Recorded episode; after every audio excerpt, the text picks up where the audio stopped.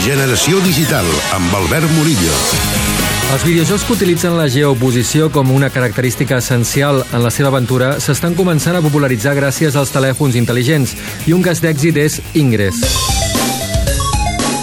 L'any 2003, a Barcelona, es va fer la primera prova pilot dins el marc del Festival Art Futura, d'un joc que obligava a córrer pels voltants de Montjuïc. Els qui participaven havien d'anar amb un GPS a la mà i capturar gent o no deixar-se capturar.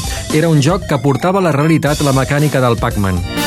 Deu anys més tard, amb els nous dispositius mòbils i milions de potencials jugadors de tot el món, neix Ingress, un joc exclusiu per Android que agafa el mapa de Google i l'amaga sota una capa de ciència-ficció. A Ingress hem de decidir a quina de les dues faccions ens integrem i hem de començar a treballar per conquerir territori o agafar-lo de l'enemic. Ingress ens obliga a caminar per la ciutat. Com més ho fem, millor serà el nostre nivell. Si juguem de forma assídua, necessitarem conèixer gent per actuar de forma coordinada i, a més, ens farà conèixer racons de la ciutat o del poble que encara no coneixem. Jocs que utilitzin la geolocalització cada vegada en veurem més i tot giraran al voltant d'aconseguir territoris de forma virtual. Penso que ara és el moment, quan els jugadors s'acostumen a jugar mentre caminen, que museus, ajuntaments o qualsevol iniciativa que vol fer conèixer la ciutat es plantegin de forma seriosa desenvolupar jocs que ens facin jugar mentre ens movem.